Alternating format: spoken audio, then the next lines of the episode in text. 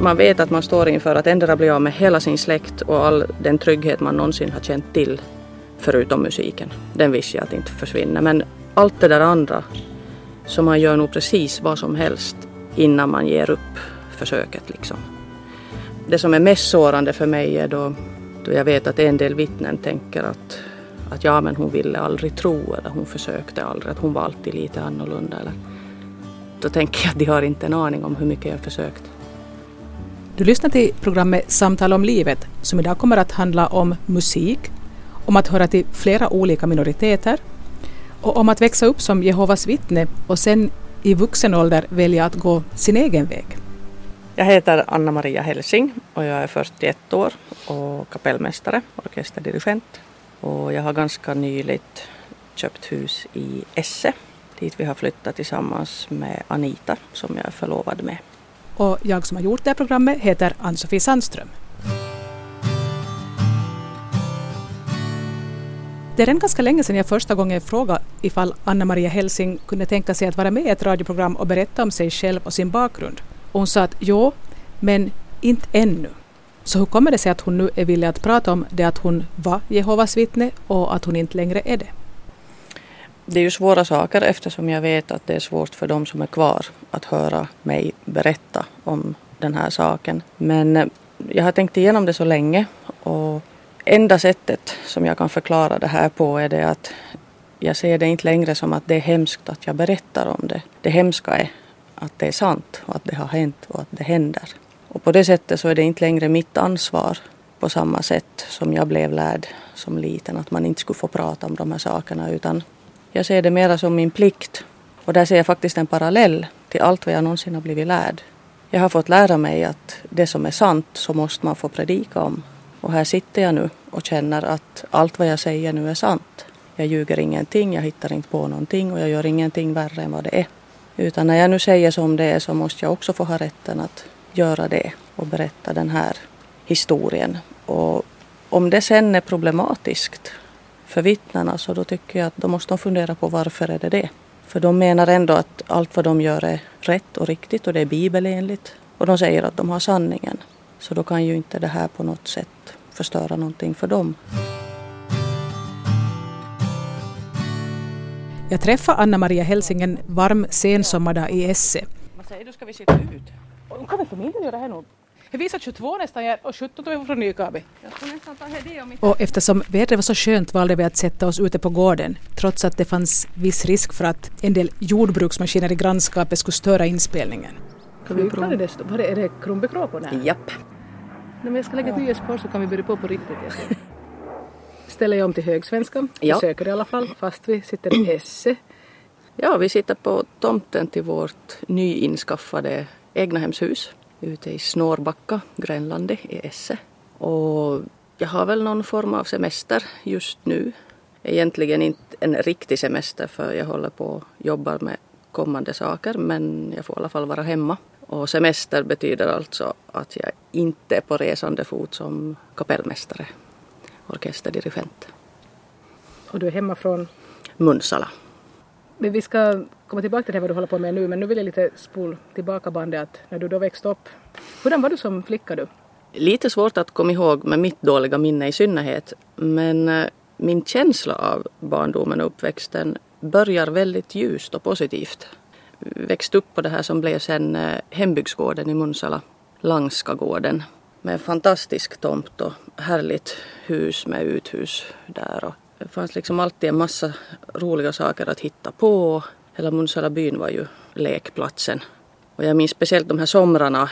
Min mamma var hemma med oss väldigt länge, så länge jag gick i skola tror jag. Så var hon i princip hemma på dagarna. Hur hon liksom alltid tog oss med ut till Växala, till havet.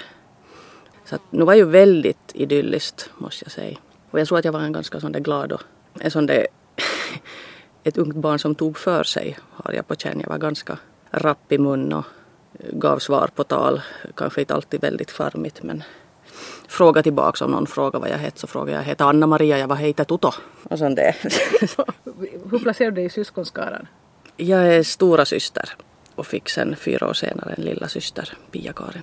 Så det är ni två som... Ja, Nå, musiken då, hur tidigt kom den in i ditt liv? den kom nog in så tidigt så jag vet inte nå skarv någonstans.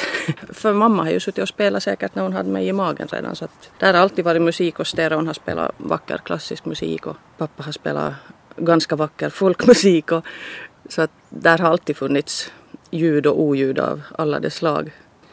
Jag fick min första fiol då jag var kanske fyra så då har jag ju nog börjat på där då pappa försöka febrilt få mig att inse att det fanns liksom sätt som funkar bättre än andra och jag gjorde alltid på något annat sätt och eget sätt och väldigt envis i den åldern och sen när jag blev lite större och faktiskt började på musikinstitutet, då var jag redan i 12-årsåldern. Så då blev jag den här goda eleven som verkligen ville göra precis som man skulle. Stod framför spegeln i timmar och liksom kikade att hur ska man nu riktigt hålla den här stråken och varför ser det så komplicerat ut där och där blir en böj på handleden och det ska man ju inte ha. Så sen var jag nog en väldigt sån bra adept, tror jag. Jag frågar Anna-Maria Helsing om hon då redan tidigt var inställd på att skaffa sig ett yrke inom musiken. Jag tror inte att jag ens tänkt så mycket i de här yrkesbanorna. När någon frågade just i väldigt tidig ålder så hade jag bara svarat att jag ska vara professor jag. Och jag hade antagligen ingen aning om vad en professor är men jag tyckte väl att det lät fint eller bra. Men sen efter det så vet jag inte riktigt. Jag tror jag blev lite förvirrad och konfunderad av det här med att, att jag växte upp som Jehovas vittne och i den läran så tonar man väldigt ner det här med karriärstänk och det ansågs inte vara direkt önskvärt utan man skulle hålla sig väldigt modest i alla sådana frågor och så skulle man istället satsa på att knacka dörr och sätta tid på det som var då ansågs vara viktigare. Så alltså också ifall man hade en klar talang åt något visst håll eller att man var skärpt och skulle kunna liksom bli kärnfysiker så skulle man ändå inte... Ja, desto viktigare var det väl att tämja det här att det inte liksom fick utlopp och bli till något sånt världsligt. Verkligen. Så att jag skulle nog säga att jag, sen då jag faktiskt kom i skolåldern så började jag bli mer medveten om den här konflikten där. Att, att det var inte liksom så det som det kanske är hos många att utbildning alltid är en bra sak. Men sen hade jag, eller jag har kloka föräldrar så de ansåg att någon form av utbildning behöver man ha. Så som tur var så fick jag ju musiken med mig därifrån och, och de var väldigt uppmuntrande då det gällde just att fara på spellektioner och sånt. Alltså vad är då det här motiveringen då inom Jehovas vittnen för att man inte ska skaffa sig en utbildning? Därför att den här världen ska ändå förgås snart. Harmageddon kommer ändå snart så varför skulle du vilja vara världsligt ansedd då du kan skaffa dig ett gott namn i livets ja, bok liksom och hos Gud? Det är bortkastat liksom? Ja, de säger liksom att det är fel, fel läge nu. Då vi nu just råkar leva i de sista tiderna så kan vi ju inte just i dessa dagar satsa på sådana saker. Nu är ju förstås problemet att de har sagt det här väldigt länge redan men men om vi inte går in på den konflikten så är det, tror jag, ett sådant svar man skulle kunna få. Var det så att hela din familj och dina släktingar också var, hörde till samma? Ja, väldigt få undantag där faktiskt och vi har stor släkt både från mammas sida och från pappas sida. Så jag och min syster är liksom, eller var tredje generationens vittnen. Det var ju på det sättet väldigt knepigt för mig att alls inse att det skulle kunna vara något fel med det. För jag såg inget annat eftersom hela släkten är vittnen. Så min uppväxt var ju sån. Men eh, sen i något skede så började jag ju, när jag växte till mig där så märkte jag ju att jag mådde inte så riktigt bra av det och jag tyckte egentligen inte, inte riktigt om de här tankarna, den här tankegången att, att det finns ett vi och det finns ett dem. Fick man då umgås med dem sådär som kompisar no, Ja, till en viss del men man var nog väldigt hårt liksom lärd att där finns farorna. Så ens bästa kompis skulle helst inte vara någon av dem Nej. som var utanför? Nej, utan man skulle försöka hålla sig inom församlingen. Och sen naturligtvis så fick man ju gå i skola och kanske till en viss del umgås efter skoltid då. Men där fick man redan gå omkring och ha dåligt samvete för att man gjorde. Hade du det? Ja, absolut. Så där, det som sen... Men var det, liksom, var det uttalat att du ska helst inte kanske umgås med de här? Det var uttalat. Okay. Det är sånt man lär sig på mötena och, och de riktar ju sig till barn och ungdomar med just sådana tankar att se upp för världsligt umgänge. Och, och naturligtvis finns det ju ställen från Bibeln då som varnar för sånt. Men det är, ju, det är ju väldigt komplicerat för låt oss säga att jag hade mera gemensamt med någon människa som, som spelar i samma orkester som jag men som inte var vittne. Och så ska jag ändå tvinga mig själv att umgås med de här vittnena som råkar vara i min ålder i just den byn. Och vi kanske var totalt som natt och dag som människor. Men så ska man försöka intala sig själv att men det här är bättre och Gud vill ha det så här. Men vad sa du att dina kompisar då som kanske ville umgås med dig men som då inte var vittnen, försökte du hitta på svepskäl eller sa du som det var att jag ska... Det, det, det värsta eller det bästa är ju det att man behöver inte ens hitta på hemskt mycket svepskäl för hela vittnenas vardag är uppbyggd sån att du har fullt upp. Så när som helst kunde man ju ta till att jag kan inte för vi ska på möte eller jag hinner inte för jag måste, jag har saker jag ska hinna läsa före imorgon eller vad som helst. Så det är ju det är ett fungerande system på ett sätt. Det är bara det där att om, om det inte kommer inifrån en själv så blir det en konflikt och så som i mitt fall då så märkte jag att, att jag, jag var inte så glad de där tonårsåren skulle jag anta. Så det var då som du började känna av det här att det fanns Ja, det kom nog ganska tidigt faktiskt. Just sådär när man började bli lite mer medveten så märkte jag att, att jag gick omkring och var rädd för allt. Jag hade en sån här aning om att jag kommer nog inte att få vara med i det där paradiset. Att hela min släkt och alla mina bekanta kommer att överleva Harmageddon och vara där i paradiset men, men jag känner mig inte riktigt som att jag hör hemma. Och det är ganska skrämmande tanke därför att sen finns det inte någon annan verklighet att ta till. Utan det är hela ens liv som snurrar runt det där och, och det där att vara rädd att både mista mamma och pappa och sen att inte vara accepterad av Gud. Då är man ganska ensam. Så jag har ju nu för, först på senare tid och senare år har jag fattat hur rädd jag har varit. Inte förstår man riktigt som barn. Man tror ju att ens verklighet är sån som den ska vara och sen tror man bara att det är mig det är något fel på. Som man försöker sen tillrättalägga att vad i vida världen är det för problem när jag inte känner mig lycklig i det här. Det här är ju lyckans högborg, hade jag blivit lärt. Det var ju inte bara för min egen del heller som jag inte tyckte om den här tanken utan eh, jag var ju faktiskt eh, ganska, tror jag, upprörd över att varför ska alla de här grannarna och skolkamraterna och spelkompisarna, varför ska alla de dö i Harmageddon för? Det var ju inte svårt att se att det inte är något fel på folk. Och förstås blev jag också lärd att inte för att det var något fel på dem men därför att de inte har tagit ställning för Gud då. Men det var på något sätt, eh, ja jag tror att jag var lite för känslig för att acceptera en sån tanke bara så där rakt av. Och förstås på ett plan måste jag ju acceptera det och försöka vara just så svartvit som jag förväntades vara. Jag minns att jag tänkte, därför att vi blev också, jag fick höra att man skulle vara väldigt lycklig över att man hade turen att få födas in i en familj så att man blev vittne automatiskt. Så man inte behövde liksom själv... Man behöver inte själv ta alla de här stegen och göra stora livsförändringar för att få den här sanningen. Och jag vet att jag alltid tänkte att elände att jag skulle hamna i det här att jag trodde ännu då att det var sant men jag skulle ha velat hitta det själv. Jag skulle ha velat försöka. Och det här att sökandeprocessen togs ifrån mig på det sättet så vet jag att jag var lite faktiskt besviken på.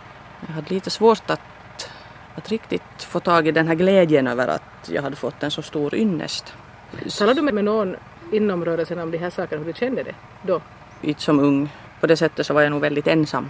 Sen när jag blev äldre och insåg att om jag ska kunna vara kvar som vittne så måste jag få hjälp med de här frågorna. Så då fanns det människor som jag pratade med inom rörelsen men, men eh, problemen kvarstod. När började det gro inom det att du skulle, kanske måste ta dig ur? Det är väldigt skumt att det börjar aldrig gro medvetet. Det måste ha grott enormt länge. Jag har läst dikter som jag skrev från, från 20-årsåldern. Och nu när jag läser det så står det ju, det står ju klart och tydligt. Men jag förstod inte då jag skrev dem ens att det var det jag menade. Så svårt hade det varit, så stort beslut hade det varit att jag hade inte en aning om tanken förrän poletten trillade ner.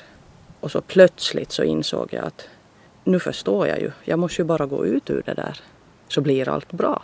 Att det är ju det som är problemet. Och det hände liksom strax innan jag skulle fylla 30 tror jag. Oj, så du var med så länge ändå? Oj vad jag försökte, måste jag nog säga. Man vet att man står inför att ändra bli av med hela sin släkt och all den trygghet man någonsin har känt till, förutom musiken. Den visste jag att inte försvinner. Men allt det där andra, så man gör nog precis vad som helst innan man ger upp försöket liksom. Det som är mest sårande för mig är då, då jag vet att en del vittnen tänker att, att ja men hon ville aldrig tro eller hon försökte aldrig, att hon var alltid lite annorlunda. Eller, då tänker jag att de har inte en aning om hur mycket jag försökt. Då när man försöker tro, hur gör man då? Man gör allt. Man eh, läser rätt sorts litteratur och man undviker fel sorts litteratur och man försöker mata in allt vad man kan. Och så tänker man att om jag bara satsar mer energi på det, om jag sätter mera tid på det, om jag går mera och knackar dörr. Så att förstås många kan säga att jag inte gjorde som man borde för jag utbildade mig och jag skaffade mig en världslig utbildning då jag blev ju violinlärare och jag gick konservatoriet i Jakobstad. Och sen får jag ännu till utomlands, for till Polen och studerade ännu tre år. Så på ett sätt gick jag ju gråvägen hela tiden. Är det gråvägen det kallas när man... Man är hela tiden på gråa områden som är inte synd direkt men inte direkt väldigt bra heller utan farliga områden. Då försökte någon inom din familj få dig att komma bort från den gråa vägen då eller lät de dig... Mm. Fick, du liksom hållas, alltid, fick du hållas liksom? Jag har nog alltid känt att de har satt ansvaret på mig.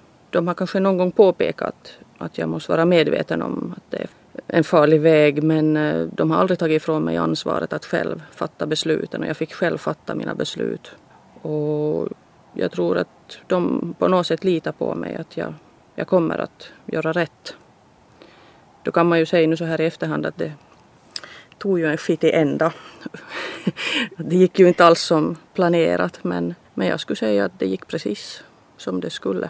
Och jag tycker att det, den friheten och den friheten som gavs mig så tycker jag att jag förvaltar på allra bästa sätt för jag har följt mitt samvete, jag har följt mitt hjärta hela vägen. Jag försöker göra våld på mig där under många år med att bara tvinga mig själv att acceptera någonting som, som liksom från botten av min själ kändes fel.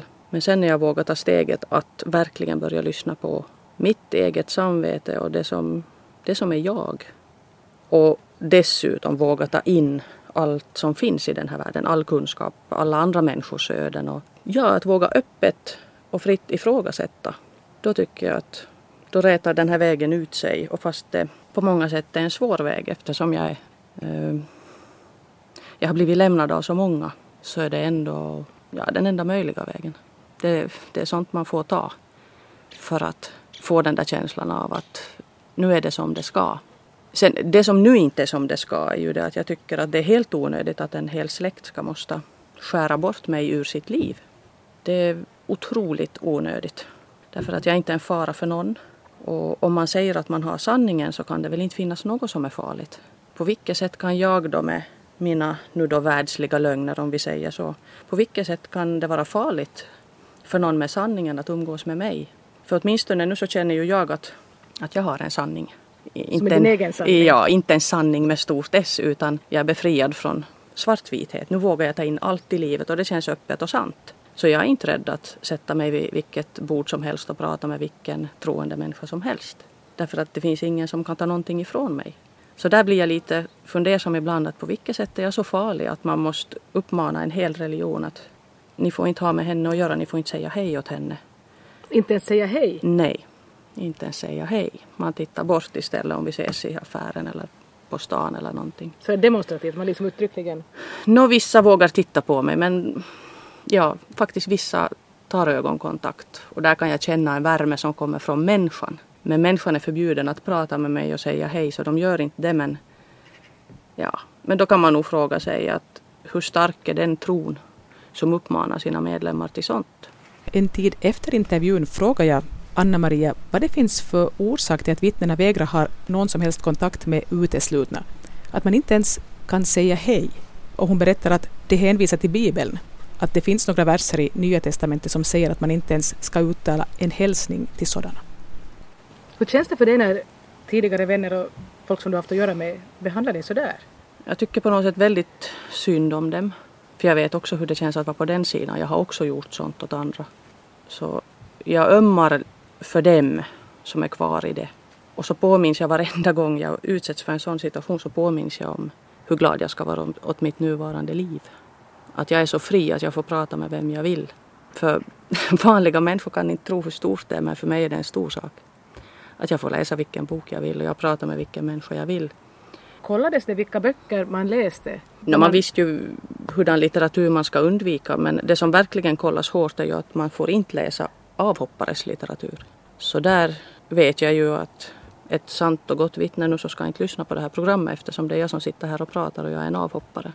Så, det är egentligen en sån jättestark social kontroll på det sättet att man hotar med att du blir isolerad om inte du stannar kvar? Absolut. Det är ett grymt hot och där kan jag faktiskt tycka att jag skulle vilja göra någonting åt den saken. Man får inte hota barn med sånt. Nu kan någon säga att inte har någon hotat någonting men när det är, alla vet om det och det är uttalat att du kan bli av med hela din familj. Alla kan bryta med dig. Alla har enligt vittnena rätt att bryta totalt med mig. Även då närmaste familjen skulle kunna bryta helt. Sånt tycker jag inte att man får utsätta barn för. Det ska finnas någon sorts rättigheter här i livet om att, att oavsett om jag tror på ett visst sätt eller på ett annat så skulle jag vilja ha rätt till min släkt. Jag har ingen annan släkt tyvärr så att det finns bara liksom en möjlighet i det här livet och den här släkten skulle jag gärna ha fått hålla kvar. För den, ja, ska jag säga den är mig kär eller ska jag säga att den var mig kär? Jag vet inte riktigt. Ibland säger jag att jag har före detta släktingar för de finns ju inte längre i mitt liv. Men det är inte du som har tagit avstånd från dem? Verkligen inte. Man kan ju få det till det eftersom det var jag som fattade beslutet att lämna vittnena men man skulle kunna tänka sig att det skulle finnas någon nyansskillnad där också. Att jag inte bara är en avhoppare. Jag är ju Anna-Maria. Jag är ju så mycket mer än det. Hela jag får på något sätt nu inte finnas därför att jag råkar fatta ett sådant beslut. Och jag tycker att jag ändå, jag är ändå mina föräldrars dotter och deras föräldrars barnbarn. Och jag skulle väl kunna få finnas på något sätt även om de inte skulle vilja diskutera trosfrågor med mig, vilket jag skulle absolut förstå. Så det var, det var egentligen rädslan för det här som, som höll dig tillbaka ganska länge då? Verkligen, ja. Därför att jag visste ju vad som, hur det skulle bli. Och det är ju en sån sak som nog får en att tänka efter både en och två gånger innan man gör någonting sånt här. Men jag vet inte, man kan inte leva om man inte följer sitt samvete. Så enkelt är det tycker jag. För då, då är hela människan fel. Och det var det som hände med mig, att allting blev fel. Hur jag än vände och vred mig så kände jag att ingenting här blir rätt. Något annat än musiken. Den faktiskt den lyckades fånga upp mig fast jag var fel så att säga. Var det liksom någonting som gjorde att du orkade med den här svåra tiden också? Ja, annars vill jag inte tänka på hur det skulle ha gått. Det, då skulle jag ju ha blivit ännu mera utlämnad. Ännu mera ensam. Hade du hunnit bygga upp något nytt sammanhang då när du valde att ta steget? Du hade... Jo, jag hade ju gått den där gråvägen ganska länge redan så att jag hade nog att falla tillbaks på där och jag visste att de kommer att stötta mig det var lustigt nog ingen av dem som någonsin sa åt mig att skulle du bara lämna det där. De måste ju ha sett det i åratal. Eller jag vet att de såg det och jag pratade med några och sådär som jag nu pratade då när jag inte hade namn på någonting och inte visste vad det egentligen var för fel. Men de var väldigt kloka och smarta och sa aldrig åt mig hur jag skulle göra och de uppmuntrade mig att göra som jag då trodde var rätt. Och, men sen naturligtvis så, så var det skönt att, att se deras glädje också över att nå, äntligen fattade hon att nog tog det nu ändå tid det där. Det är ju sånt som gör sen att man i efterhand fattar hur svårt det måste ha varit för annars skulle jag väl ha gjort det där när jag var 20. Självklart skulle jag ju. Men när, när man inte är mogen för det och inte är färdig och inte är tillräckligt säker på att man har någonting som tar emot sen när man faller så, så inte kan man ju tvinga sig själv. Alltså, människan gör aldrig saker innan hon är klar för det. det Finns det någon, någon sorts nätverk eller sådant skyddsnät för då sådana alltså andra avhoppare som kan hjälpa mm. någon som plötsligt står där totalt ensam? Absolut, det finns organisationer för sånt. Och jag hade ju ingen aning om något sånt då. Jag, jag skulle aldrig ha googlat några sådana sidor eller faktiskt så på det sättet höll jag mig på den smala vägen att jag läste inte sådana här avhoppares alster och av någon anledning så faktiskt så lockade det mig inte. För jag trodde väl på det där att, allt, att de är fulla med lögner i alla fall. Att det är sånt man får lära sig som vittne. Har du efteråt kolla? Naturligtvis och nu har jag ju fått en helt annan syn på saken. Nu ser jag ju varför man inte ska läsa dem som vittne. Därför att där finns en hel del kloka saker och där finns mycket som visar varför det är värt att ifrågasätta. Så ja, det finns all möjlig... Eh, det finns organisationer både i Finland och Sverige och speciellt för vittnen som hoppar av men även för... Nu kommer traktorn igen. Alltså det, det, vi har kraftiga doningar här. ja, det är full rulle. Vi pratar om det här som att det, det finns Ja, det finns. Och så finns det också naturligtvis för, för sådana som hoppar av andra sammanslutningar. Det är inte bara vittnesavhoppare som behöver hjälp utan det kan vara från alla möjliga andra trossamfund. Och speciellt med sådana som utesluter sina tidigare medlemmar? Jo. jo, det är ju på grund av att de har sådana regler så tycker jag att de får finna sig i att, att bli kallade till sekt till exempel därför att har man sådana saker så då är det nog väldigt, det är suspekta regler. Det är att utöva makten man har på en liten människa som inte har, den, har någonting att säga till om. Men samtidigt så förstår man ju att det, där, att jag menar, det här att få höra till ett sammanhang det är ju också något som vi alla har behov av. Så det, ja. hade, det fick du ju växa upp med att du hade ett sammanhang. Med, Absolut. Så det kan vara hemskt konfliktfyllt säkert då att se att det här sammanhanget kanske inte stämmer när jag blir vuxen? Ja, jag tror att det är någonting som alla kan känna igen om man försöker komma ihåg första gången man insåg att mamma eller pappa inte alltid har rätt. Det är också en sån där lite omvälvande tanke när man inser att aha, men att allt det här nu som jag har trott och att det är alltid de där grannarna som är så jobbiga och sen får man se att elände att nu är han ganska svår att tas med den här pappa eller, eller mamma kan också vara lite jobbig ibland. Att tänk om det är så att det var de där grannarna som hade rätt hela tiden när de har bråkat här. En sån där sak kan vända upp och ner på ens världsbild mer eller mindre och nu förstås det här är en ganska stor sak då. Att det verkligen vänder upp och ner på mer än en uppfattning man har haft om en förälder utan det här vänder upp och ner på hela ens, ja alla rötter plötsligt så sitter lite lösare. Det är lite svårt till och med att föreställa sig hur det känns sådär på riktigt när man inte har varit inne i något sånt här. Det tror jag nog att det kan vara, ja. Det är så svåra frågor så att det är sånt där jag kämpar med ännu för att riktigt komma underfund med hur det har påverkat mig och hur det ännu idag påverkar.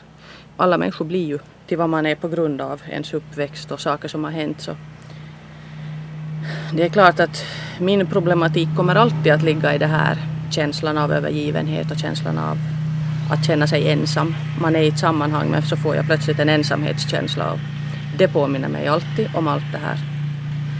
Så det är min ryggsäck och den har jag med mig men, men nu är jag så mycket mer medveten om hur allt det här har påverkat mig. Jag har som fått tid att gå igenom de här frågorna.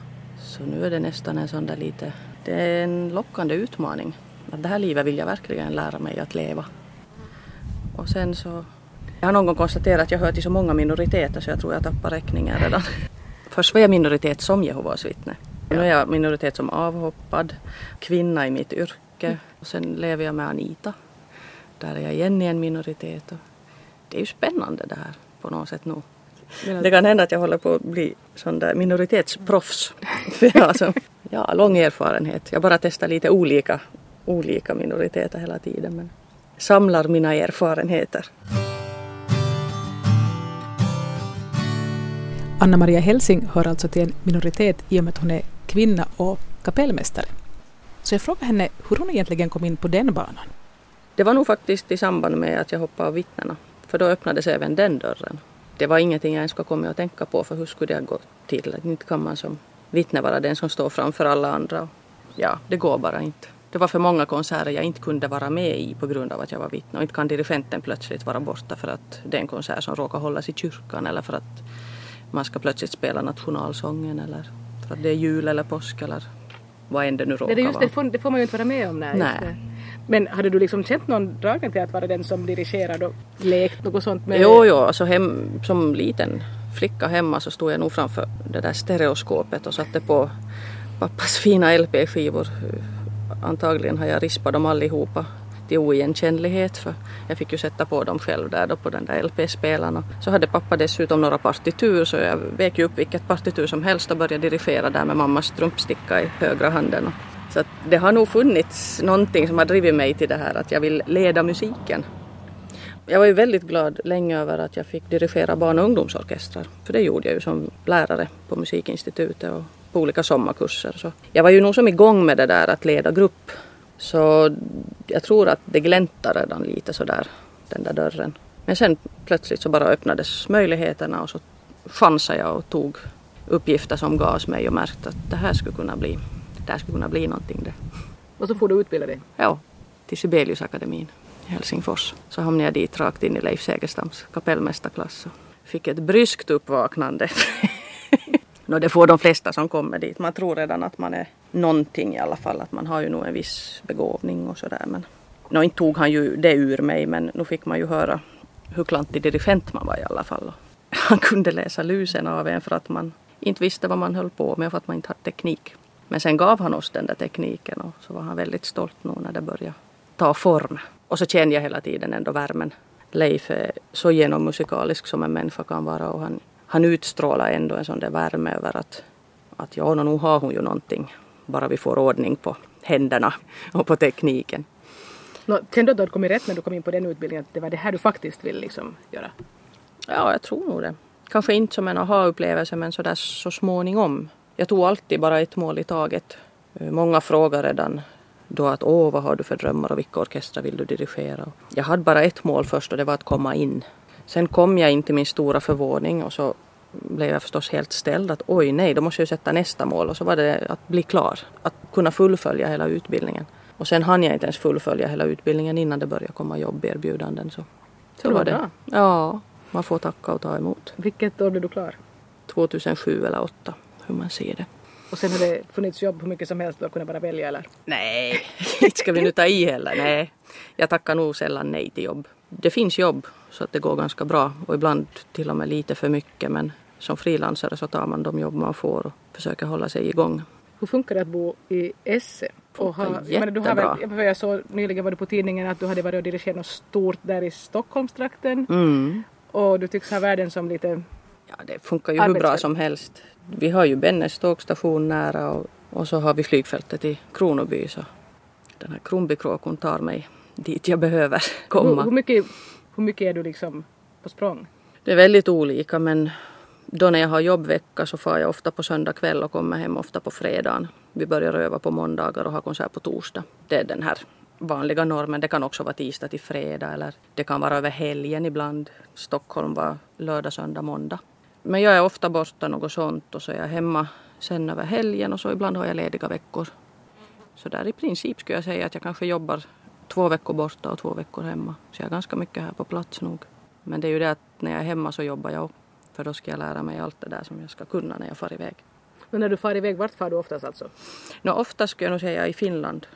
Tammerfors, Uleåborg, Helsingfors, Björneborg, Vildmarstrand. Du har inget sådant fast engagemang någonstans nu? Nej, nu är jag faktiskt för första gången på kanske någonsin så är jag helt frilansande. Var det Uleåborg som var här senast? Ja, där var jag tre år som konstnärlig ledare eller överkapellmästare. Men nu börjar det komma mer och mer faktiskt också utomlands ifrån. Så Sverige håller på att öppna sig, tycker jag. Jag har några debuter där den här säsongen som kommer nu och andra som jag far tillbaka till, som jag har varit till för. Ja, och Tyskland, Norge, Danmark. Så nu börjar det komma även från andra håll. Men jag har ju jobbat så länge i Finland så här, är jag, här har jag redan liksom jobbat upp ett arbetsområde medan de här andra länderna är lite nyare. Så hur länge är man engagerad på ett och samma ställe när man då har någonting på gång? Ofta just sådär några dagar bara. Det är en arbetsvecka. Om hur? det inte är opera eller något, då är det längre. Och hur funkar det då att liksom få människor att göra som man vill? Man kör bara sitt race. Det är lite som med livet i övrigt, att jag kan inte börja fundera på vad alla andra tycker och tänker om Anna-Maria, utan jag måste vara Anna-Maria. Ja. Det är min uppgift och min roll. Och sen får de där andra ta konsekvenserna av det då, vad de tycker om det. Och det är nog precis samma framför en orkester, att jag kan inte börja fundera hurdana alla de där är och vad de har gått i för skolor och tycker den här nu om fransk tolkning eller tysk tolkning eller har han rysk skola eller utan jag, jag måste vara säker på min vision och när jag gör mitt och är övertygande och faktiskt har en vision, redan det är ett bra första steg. Så då för det mesta så kommer folk med. Det är inte så stor idé faktiskt att fara framför en 80 personers orkester och inte ha en vision för då går det illa. Det anar de genast. Och sen, jag tycker orkestrar faktiskt har blivit väldigt bra på det också. Att jag tror inte att de mera funderar på att varenda veckas dirigent skulle måste vara nästa Karajan. Utan vi är ju också omväxling för orkestern så att säga. Och, och jag tror att de trivs bara de får känna sig trygga i kapellmästarens händer. Just det där att det finns en vision och jag vet hur jag ska få dem till den där visionen. Det är mitt hantverk. Och sen för dem så handlar det om att spela så bra som de bara kan. Det är deras jobb. Sen när vi gör det där tillsammans så brukar det bli ganska roligt. Ganska lyckat för det blir ett sånt där växelspel mellan att ge och ta. Och därför är jag ju så glad över att jag får dirigera så bra orkestrar som jag får nu. Göteborgssymfonikerna och Stockholms filharmoniska i Sverige är ju fantastiska orkestrar till exempel. Så mitt mål är nog egentligen att få fortsätta med det här. För det här trivs jag med och det här tycker jag om. Möts du någon gång av fördomar från något håll? Inte egentligen. För det är lite samma som när folk frågar att hur är det att bo med en annan kvinna i lilla Esse? Att vad säger folk? Nå gissa om någon säger någonting åt oss. Va? Säger det vi? Nej, det pratas nog på byn men det är liksom ingenting som vi lider av. Jag brukar tänka att om de som pratar elakt om andra skulle veta hur lite det påverkar dem de pratar om så tror jag att de skulle inse att det är nog inte så stor vits. För vi sitter här lika lyckliga och glada i alla fall, vad de än har pratat. Så att det berör liksom inte riktigt, det tar inte. Och det har definitivt inte någon inverkan på livet.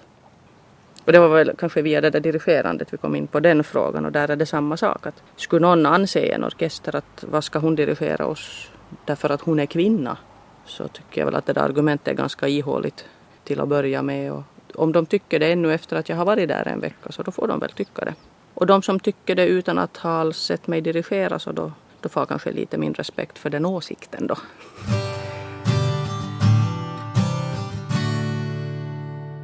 Jag frågar Anna-Maria Helsing hur hon träffade Anita, som hon är förlovad med. Vi är gemensamma bekanta faktiskt, här i Österbotten. Man får ju nog fråga sig hur saker händer i ens liv, men hur en kapellmästare råkar på en bagare konditor. För nu kom vi ju från olika sammanhang minsann. Så man kan ju inte säga att det var så där förspänt direkt att, att det på pappret skulle ha sett ut som att det där måste ju vara match made in heaven.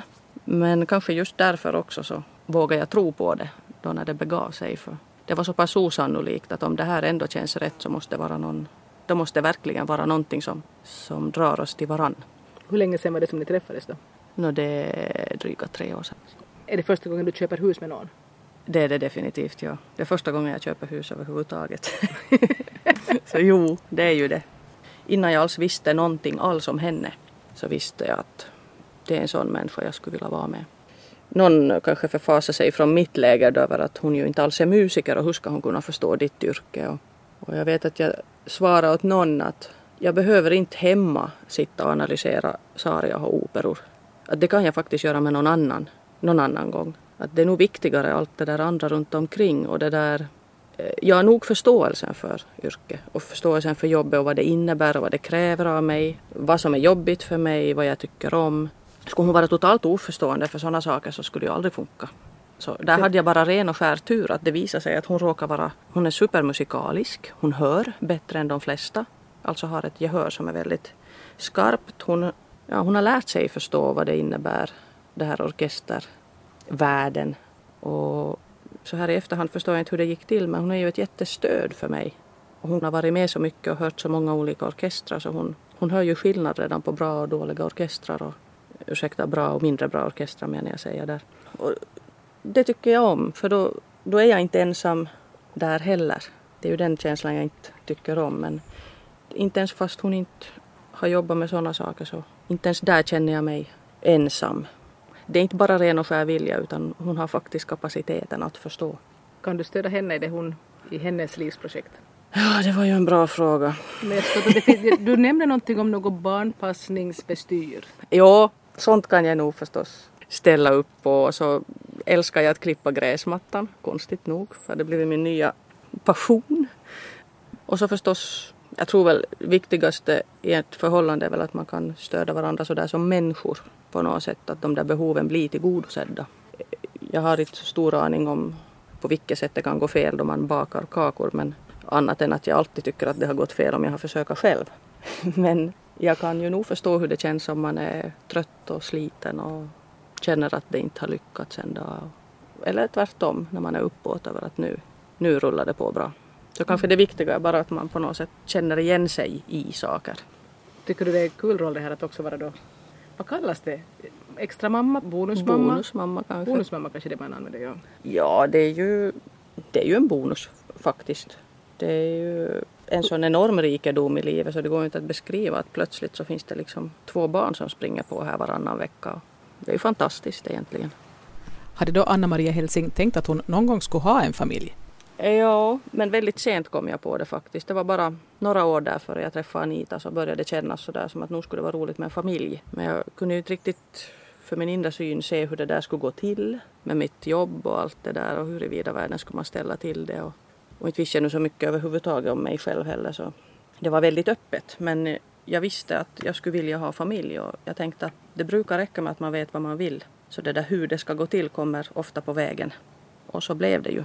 Att inte skulle jag ju ha kunnat tänka ut det mycket bättre själv faktiskt.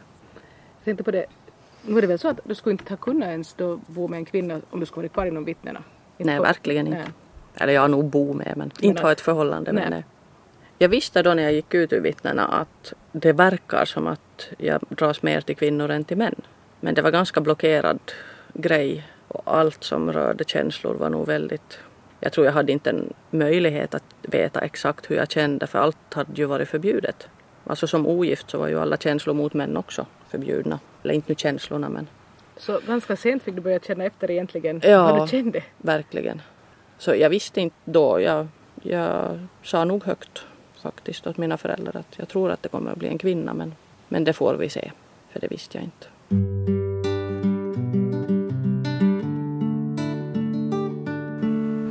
Har du någon tro idag? Jag tror väl att alla har en tro. Man tror på ett visst sätt om saker och ting och fenomen och funderar. Men, men om jag nu har en tro som grundar sig på Bibeln och sånt, då blir det svår fråga genast. För i största allmänhet måste jag väl nog bara säga att jag är väldigt glad över att frågetecknen får finnas. Och jag har inte något behov av att räta ut dem. Och tycker att det var fantastiskt att det finns så många möjligheter att se på livet.